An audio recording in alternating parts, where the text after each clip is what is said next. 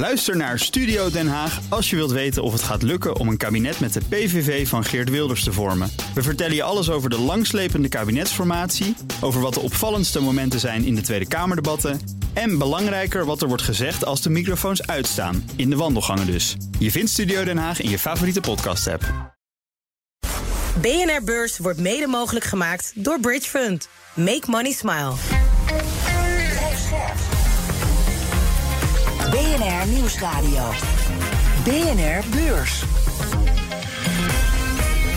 Wesley Weerts, Jelle Maasbach. De eerste van de maand en de eerste van de week. Maar die begon meteen onrustig en dan uh, druk ik me voorzichtig uit. Zeg dat wel, want er is weer een bank ten onder gegaan. Maar goed nieuws, de bankencrisis is bijna voorbij, zegt topbankier Jamie Dimon. Nou, ben benieuwd hoeveel zijn woorden waard zijn. In ons eigen land kunnen we dat hiervan niet afleiden uit de beurskoersen... want de Amsterdamse beurs bleef vandaag dicht vanwege een feestdag. Net als op uh, andere plekken in Europa overigens. En toch hebben we, zoals je hoort, genoeg te bespreken. En dat doen we dan ook met onze gast Wim Zwanenburg van Stroeven Lemberger Vermogensbeheer. In een paar weken tijd vielen er drie Amerikaanse banken om. First Republic is het laatste slachtoffer. Nou, daar natuurlijk straks alles over. Maar eerst uh, Adidas. Het bedrijf wordt voor de rechter gesleept door de eigen aandeelhouders. En dat heeft te maken met deze man. I could say anti-Semitic things and Adidas can't drop me. Now what? Now what? Ja, dat gebeurde dus wel. Kanye West. Adidas had een deal met hem. Hij ontwierp schoenen. Daar uh, verdienden beide heel veel geld aan. Tot hij doordraaide. Die hoorde het dus net in het fragment. Vorig jaar verbrak Adidas de banden. Gevolg meerdere winstwaarschuwingen voor Adidas. Afschrijvingen van honderden miljoenen. Lager dividend. Een gekelderde beurskoers. En een gigantische voorraad schoenen. En die beleggers die willen compensatie. Maar Hoeveel? Ja, dat is nog niet duidelijk. Dat zal uh, later komen. Maar voor zowel het bedrijf als de belegger uh, loopt alles bij elkaar in de miljarden. Dat is echt een gigantische kostenpost geworden.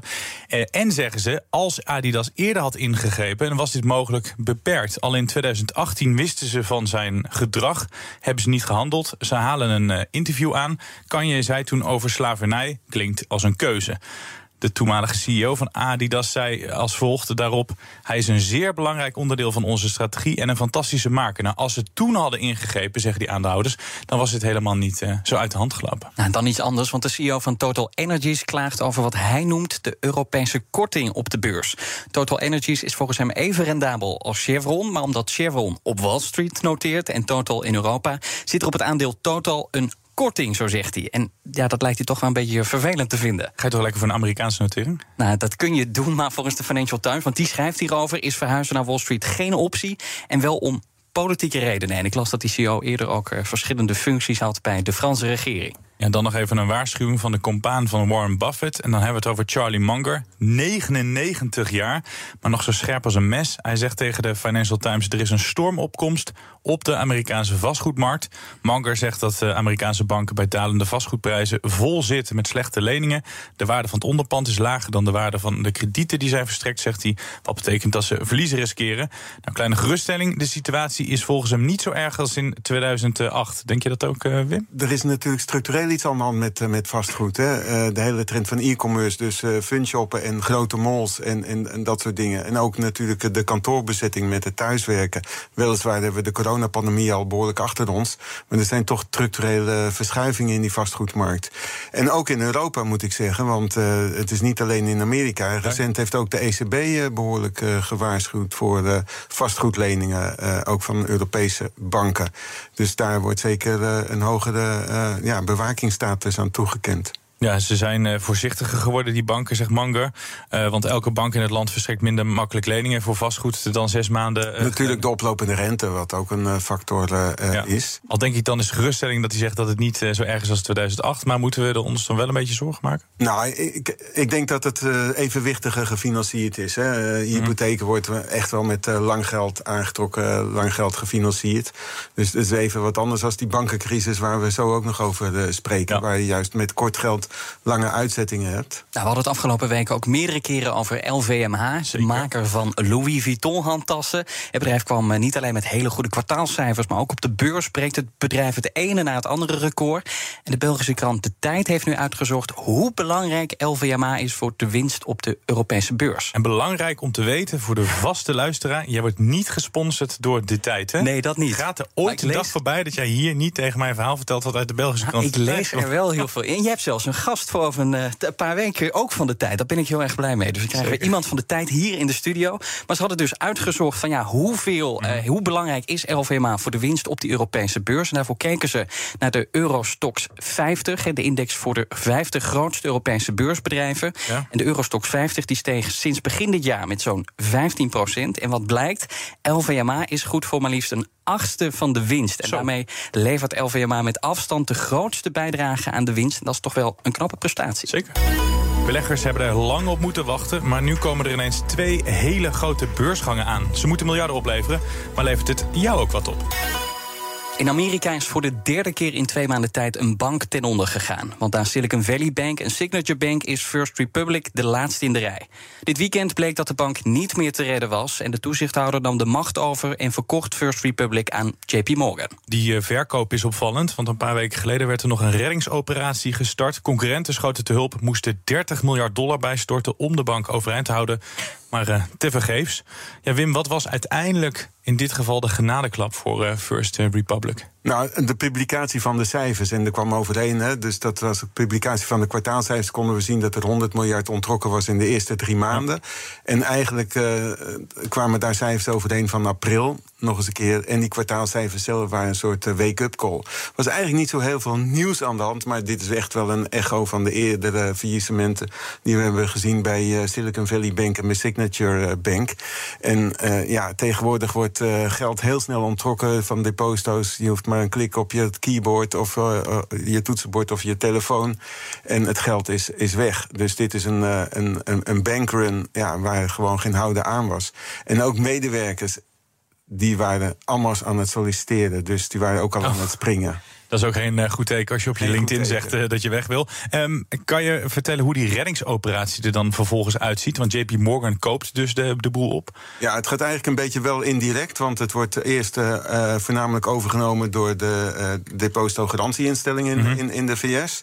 En vervolgens wordt er een deal gemaakt met uh, JP Morgan om uh, verliezen op bepaalde leningen te delen.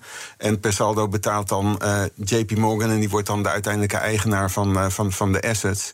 Dus de activa, de leningen die uh, zeg maar. En, en de kantoren die uh, uh, First Republic had. Waar nu dan zeg maar op de gevel JP Morgan uh, komt staan. Zeker een opmerkelijke deal. Er waren, afgelopen weekend was er een veiling. Er waren meerdere banken die interesse hadden. PNC wordt genoemd. dus ook een financiële groep in, in de VS. En ik mm -hmm. moet zeggen, dat is wel een saillant detail. Want die werd ook nog gesteund door Apollo en BlackRock. Rock. Uh, nou, dat is toch niet doorgaan. Men heeft uh, vertrouwen in de grootste financiële instelling die er is. Maar ja, uh, bijna de helft van alle Amerikanen heeft wel een rekening bij JP Morgan. Ze hebben meer dan 10% van alle Amerikaanse deposito's. Dat is ongekend. Dus het is een ongekende machtsconcentratie. En er zal niet meer, meer gezegd worden too big to fail. Want ja, JP Morgan is simpelweg ja. too big. Nog één ding, want um, we komen zo meteen bij die rol van, van JP Morgan. Ik las wel dat ze niet alle bezittingen van First Republic overnemen. Hoe, hoe zit dat dan uh, precies? Dat, dat zijn een, een beetje uh, details. Daar uh, gaat uh, FDIC, die, die laat dat failliet gaan. Dat zijn afwaarderingen. Oh. er worden ook herstructureringskosten genomen. Ongetwijfeld gaat er ook weer bezuinigd worden. medewerkers die af moeten vloeien. Ik zei al dat een aantal medewerkers zelf weg, al ja. weg aan het gaan was. ja, heel veel, er komen toch wel heel veel details waar ik nog niet helemaal uit ben gelezen. Nou, jij zei net, er stonden meerdere in de rij. Uiteindelijk JP Morgan ja, koopt de bank. Maar wat moet JP Morgan ermee? Is het een toevoeging of wordt het vooral een blok aan het been? Nou, uh, je, als, je kan spreken over financiële supermarkten, dan is JP Morgan echt er uh, eens. Ze doen alles. Hè? Dus als, als grote zakenbank, het begeleiden van emissies, het verstrekken van leningen aan het grote en internationale bedrijfsleven. Maar ook de klanten en de welgestelde cliënten. Ze hebben ook een hele grote asset management divisie waar ze ook de pensioenwereld mee bedienen. Maar ook deze specifieke klantengroepen in, in, in, in Californië.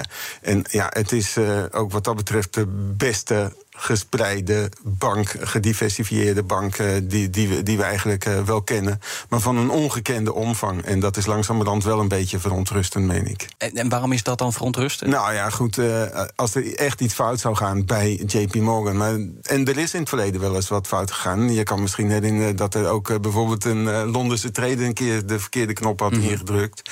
En dat werd toen de Big Whale genoemd. Het ging ook over een miljardentransactie. Maar JP Morgan is zo groot dat ze dat toch eh, per saldo eh, kunnen, kunnen compenseren. Is deze aankoop vrijwillig of is het vooral door heel veel druk waardoor ze nu eh, dit hebben gekocht? Nou, er is zeker eh, achter de schermen druk van, eh, van, van overheden geweest. En bovendien was JP Morgan ook inderdaad zelf wel belanghebbend. Want je noemde al dat de balans van First Republic was gestort, gestut met eh 30 miljard extra aan deposito's. En het grootste deel daarvan kwam van JP Morgan zelf. Dus ja, zouden ze daar forse verliezen op leiden. En nu hebben ze per saldo waarschijnlijk nog een boekwinst. Want het is niet zo dat de assetkwaliteit, de activa kwaliteit, de leningen heel slecht zijn van eh, First Republic. Het is meer de kwestie van eh, eh, balansmanagement dan zeg maar kredietkwaliteit. Kredietkwaliteit moet je dan beoordelen als de status van de debiteur, hè, aan wie je de lening hebt verschaft. Dit is een kwestie van uiteenlopende looptijden, deposito's die worden weggetrokken en dan moet je andere activa op de balans, zoals kan zijn hypotheken, maar bijvoorbeeld ook treasury staatsleningen moet je verkopen. Die had je eerder nog kunnen waarderen tegen de aanschafwaarde, maar als, als je zeg maar niet onvoldoende gesteund wordt op de balans, dan moet je ze tegen de actuele marktwaarde gaan waarderen en dan moet je je verlies nemen. En ja, dan is het alleen maar een spiraal naar beneden. Het is de derde bank op rij, dus die omvalt. Eh dreigt bij meer banken dit te gebeuren? Zijn we er nu? Uh, ja, als ik uh, Jamie Dimon mag geloven, dan is dit uh, wel, wel uh, geweest. Mag, ja, geloof je hem? nou, ik, ongetwijfeld gaat de markt op zoek naar, naar meer regional banks en, en kleinere banken die eigenlijk nog niet te maken hadden met dat verscherpt toezicht van, van de echte grote megabanken in, in, in de VS. Dit was qua omvang toch wel de negentiende op, op de totale lijst. Mhm. Mm -hmm. ja, en je ziet het ook wel een beetje in, in die koersontwikkeling van, van de bank de zogeheten regional bank. Maar wat regionaal heet in de VS is toch, wat onze begrippen betreft, wel uh, ook nog steeds uh, mega. Je, ziet het als je kijkt naar de koersperformance van de afgelopen vier maanden. Van de grootste tien dalers zijn er acht banken, neem ik aan. Dus, of heb ik gezien afgelopen weekend. Dus dat betekent eigenlijk wel dat, dat er ook nog een verdenking heerst ten opzichte van andere regional banks. Want ik zeg het ook, want eerder nog een paar weken geleden nog maar was een reddingsoperatie opgetuigd. 30 miljard werd door concurrenten, waaronder JP Morgan. Uh, bij elkaar gelegd om deze bank First Republic te redden.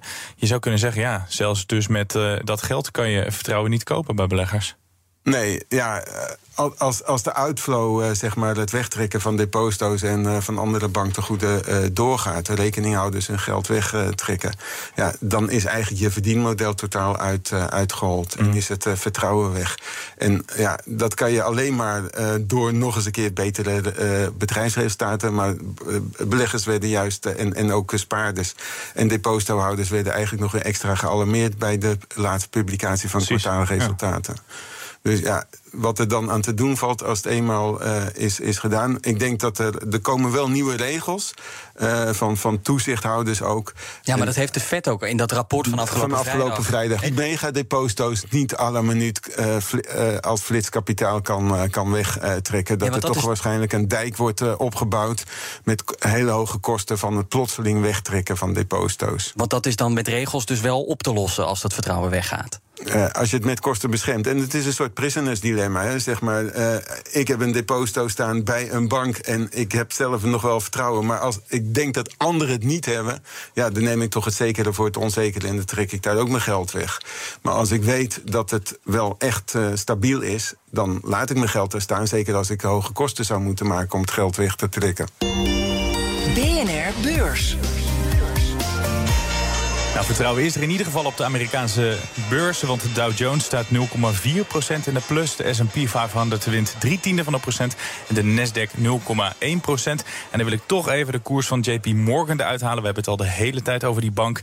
Hoe wordt er gereageerd onder aandeelhouders dat ze dus een aankoop hebben gedaan? En? 3% in de plus. Hoger, ja. Ja, dus ze zijn daar toch al tevreden. De handel in First Republic is wel opgeschort. Uh, als er wel was gehandeld, dan was dat ook niet best geweest. Want in de naadbeurshandel stond het aandeel zo'n 35% lager. Wim, even heel kort. Wat als je nu aandelen First Republic hebt, wat gebeurt daar dan nu mee? Ja, uh, ik weet niet of er nog weer handel uh, komt. Uh, aandeelhouders hadden al vanaf het begin van het jaar 97% verloren van hun waarde. Dus ik, ik, denk dat dit gewoon afgeboekt wordt als faillissement. Het is ook overgenomen door de FDIC en die garandeert deposito's, niet de aandeelhouders. BNR Beurs. Dan naar iets heel anders. Dan naar een uh, beursgang die steeds dichterbij komt. Die van chipontwerper ARM. Het papierwerk voor de beursnotering is ingediend. Goed nieuws voor de Amerikaanse beurs. Want dit is opnieuw een grote naam die naar de beurs trekt. Ja, Wim, gaat die beursgang van ARM er echt komen dit jaar? Want de vooruitzichten, zou je kunnen zeggen, economisch gezien, die zijn niet altijd best. Dat hangt er ook een beetje vanaf welk segment je bekijkt. Dit is uh, chipdesign en de halfgeleidermarkt, uh, dus zeg maar de chipmarkt, die is toch afgelopen jaren wel echt enorm belangrijk gebleken. Hè? denk alleen maar aan de tekorten aan chips die we hadden vorig jaar, ook in de auto-industrie. En er worden steeds meer verschillende soorten chips toegepast, halfgeleiders. grote producenten en ook softwareproducenten willen eigen chips in hun servers inbouwen. Mm. Dus die hechten daar ook grote belang aan. En ik denk, ik noem alleen weer even opnieuw de term van het jaar natuurlijk artificial intelligence. En dat geeft ook zeg maar een grotere behoefte aan rekenkracht en capaciteit van servers en van chips. Dus de chipdesigners, uh, ja, die zijn erg in trek. Dus ondanks alles vind jij het dan wel een interessant aandeel als ik jou zo hoor? Ik vind het een interessant aandeel, maar alles heeft zijn prijs. En dat zal afhangen hoe, hoe, het ook gewaardeerd wordt ten opzichte van zeg maar een aantal branchegenoten. Mm -hmm. Het is wel een gedwongen verkoop min of meer. Hè, en het zit er al een tijd aan te komen. Softbank, dat is nu de eigenaar van ARM. ARM Holding was een chipdesigner tot 2016 genoteerd op de Londense beurs. Toen is het van de beurs gehaald en overgenomen door Softbank. En dat is een soort Japans tech-conglomeraat. die hadden ook geïnvesteerd in allerlei venture capital en onder andere in WeWork, waar zeg maar de totale waarde van uh, verdampt is. Ja. Dus zij moeten een deel van hun tafelzilver uh, ja, te, verkopen. Ja. Nvidia was nog lange tijd zeg maar een, een, potentiële overnemer. Maar nu is er toch voor een zelfstandige beursnaam, beursgang gekozen, omdat de overname door Nvidia werd geblokt na klachten van concurrenten bij de mededingingsautoriteiten. Dat Nvidia dan te machtig zou worden. Maar Jelle, jij noemde net die economische vooruitzichten, die zijn niet zo goed. Jij, Wim, jij had het over AI, maar kijk je nu naar die chipaandelen, die zijn nu ook even wat minder in trek, omdat ook die vraag naar chips afneemt. Dus het is en economisch wat minder, ja, en de cyclus is de, op een negatief de moment. De chipmarkt is altijd uh, boombust met uh, hogere pieken, maar ook wel weer vervolgens hogere dalen. En wat we de laatste weken hebben gezien, is zeg bijvoorbeeld het hele slechte bedrijfsresultaten van een fonds als Micron en ook van TSMC enzovoort. Maar allemaal zeiden ze wel, we hebben nu de voorraden ongeveer weggewerkt. En de vraag naar nieuwe producten, innovaties, naar ook nieuwe uh, snellere halfgeleiders enzovoort. Dat is uh, potentieel heel goed. En dan zag je zelfs dat ondanks tegenvallende of hele slechte bedrijfsresultaten de koersen weer opliepen op basis van eigenlijk uh, voor de tweede helft van het jaar de goede vooruitzichten. En AI, ja ik noem het nog eens een keer artificial intelligence. Dat gaat echt heel veel op zijn kop zetten.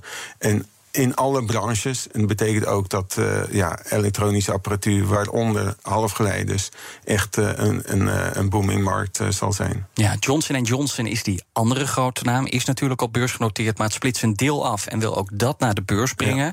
Nou, is die markt van beursgangen vorig jaar opgedroogd? Verwacht je dan een heropleving dit jaar? Nou, je, je, zag, je, je zag het begin dit jaar liep het, uh, liep het uh, slecht. Maar de US, de Amerikaanse IPO-markt, die deed het internationaal wat beter over de, de eerste vier maanden. En er zijn inderdaad wat uh, erg grote happen. Want je noemde al de afsplitsing van Johnson Johnson. Die hebben hun consumenten de logisterijartikelen divisie afgesplitst. En ja. dat is, die, gaat Kenview heten. Mm -hmm. En ja, dat is al, alleen al 50 miljard. En als je het hebt over ARM dan wordt daar toch een, een, een, een marktwaarde van 70 à 80 miljard aan, aan vast geprikt. dat is dan zeg maar geld wat voor het grootste deel ten goede komt aan de bestaande aandeelhouders. Maar er wordt ook wel nieuw geld uit de markt gehaald. En dat is eigenlijk ook bij RM bescheiden. Maar dat wordt toch tussen de 8 en de 16 miljard geschat. Nou, daarmee heeft zeg maar die beursintroductiemarkt ook nog een financieringsrol. En uh, ja, dat is waar, waar natuurlijk ook het hele vliegwiel van innovatie op, uh, op, op draait. En jij zegt net, Wim, uh, die Amerikaanse beursgangenmarkt, zou ik maar zeggen, die doet het beter. Hoe kan het dat het daar beter gaat dan hier in Europa? Ja, nou, dat werd net ook al even, even genoemd bij Total Energies. Hè. Uh, uh, ja, Amerikaanse markt is breder, is dieper, uh, kent een hogere premie toe zeg maar, aan, aan innovatieve companies. Dus ik kan me de klachten van die topman van Total Energies wel enigszins voorstellen.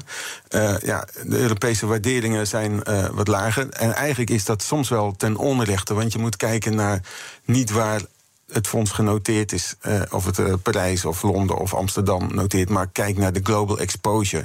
Waardoor worden de bedrijfsresultaten bepaald. En dit zijn allemaal mondiale uh, bedrijven, waarvan het profiel soms niet eens zo heel erg van elkaar verschilt. Er is één grote uitzondering, en die hebben jullie ook al genoemd. Hè. Dat zijn de producenten van de, de Franse luxe artikelen. En die hebben nu op dit moment ook enorm de wind mee vanwege het opengaan van de Chinese economie en het aantrekken van de Chinese en de luxe artikelen die doen het op die markten heel goed. Dus fondsen als eh, LV en March en ook uh, Kering en uh, Hermes enzovoort... die hebben op dit moment ook topwaarderingen en een topbeurswaarde. Naar welke beursgang kijk jij het meest uit? Het mag ook een andere zijn dan de twee die we net hebben besproken.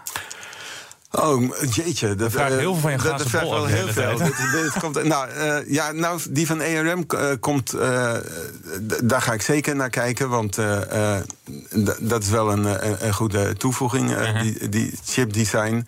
het zijn voor de rest allemaal toch wel kleintjes. En ERM is eentje voor de, voor de... Hij wordt voorzien in de tweede helft van het jaar, dus nog niet de komende, komende maand. En staat ons in Europa ook nog wat moois te wachten? Uh, moet ik opnieuw even toch het antwoord even, even uh, schuldig blijven, eerlijk uh, Maar daar is het gewoon rustig, zijn, dus het is meer hopen ja. op wat leuk. Nee, er zijn afgelopen jaren ook een aantal af, afgeblazen. Hè. Ik noem maar even zo'n zo'n Cool Blue enzovoort. Ja. En ja, alle geruchten over de recessies enzovoort... die maken toch ook inderdaad wel, zeg maar... ja, bankensyndicaten en, en boards, dus ondernemingsbesturen... die een beursgang overwegen, op dit moment even even kopschuw. Wat er de komende maanden gaat gebeuren, dat weten we niet. Wat we wel weten is wat er morgen op de agenda staat. Het wordt de week van de rentevergaderingen. Zowel de Fed als de ECB komen samen. Morgen starten de Amerikanen. En de verwachting is dat zowel de Fed als de ECB de rente gaan verhogen. Ook weer verschillende bedrijven met cijfers. Zo is het de beurt aan BP. En de lat ligt hoog, want bij concurrenten Exxon en Chevron ging de winst door dak. Verder krijgen beleggers resultaten van twee Amerikaanse bedrijven, namelijk Uber en Starbucks. Wim, is dit uh, de laatste renteverhoging uh, voor de Fed? Ja, ik verwacht het eerlijk gezegd wel. Als je kijkt naar de futuresmarkt, de geldmarkt, uh, termijnmarkt, dan zie je echt een afvlakking. En uh, eerder deze maand met de bankencrisis, of vorige maand in, en in maart, hebben we gezien dat het ook heel snel keerde. En dat de markt al verwachtte dat de Fed de rente zou gaan verlagen later dit jaar. Nou, we zien volop vertraging van economische activiteit. Hoewel vanmiddag de cijfers over de industriële productie en, en manufacturing met de inkoopmanagers iets beter was. Mm -hmm. Maar liet ook een uh, daling zien. En als je kijkt naar de huizenmarkt, die is ook aan het uh, afkoelen. Uh, ik denk eerlijk gezegd dat dit wel de laatste verhoging is. Maar de Fed heeft de afgelopen, laat ik zeggen, ruim een jaar de rente in pijlsnel tempo heel fors verhoogd. We zijn er bijna, maar nog niet helemaal, want het hoogtepunt komt nog. Elke aflevering vraagt van onze gast een tip, eh, iets dat je kan gebruiken dit cijferseizoen. Wim, wat zou jij de luisteraar mee willen geven? Ja, Ik ben zelf een lange termijn belegger. Ik let altijd heel goed op bij de kwartaalcijfers. Maar ik handel nooit direct op opening. Want je ziet al dat na beurs ook het sentiment heel erg kan verschillen. Uh, koersen die eerst omhoog vliegen. En dan vervolgens nog komt er een toelichting van de topman. En dan gaat het weer wat uh, omlaag of nog verder omhoog. Ik zou zeggen, uh, doe je huiswerk. En bepaal je posities voor de lange termijn. En handel niet alleen op dat specifieke moment. Maar kijk de cijfers wel na bij de kwartaalresultaten. Om daar uit de trend te kunnen destilleren. Nou, dankjewel Wim Zwanenburg van de Stroeven Lemberger Vermogensbeheer. En Jelle, wij zijn er morgen weer. Zeker, tot morgen. Tot morgen. BNR Beurs wordt mede mogelijk gemaakt door Bridge Fund. Make money smile. Ook Harm Edens vind je in de BNR-app. Je kunt BNR Duurzaam niet alleen live luisteren in de app, maar ook terugluisteren als podcast, zoals al onze podcasts. En naast dat de BNR-app Breaking News meldt, houden we je ook op de hoogte van het laatste zakelijke nieuws. Download nu de gratis BNR-app en blijf scherp.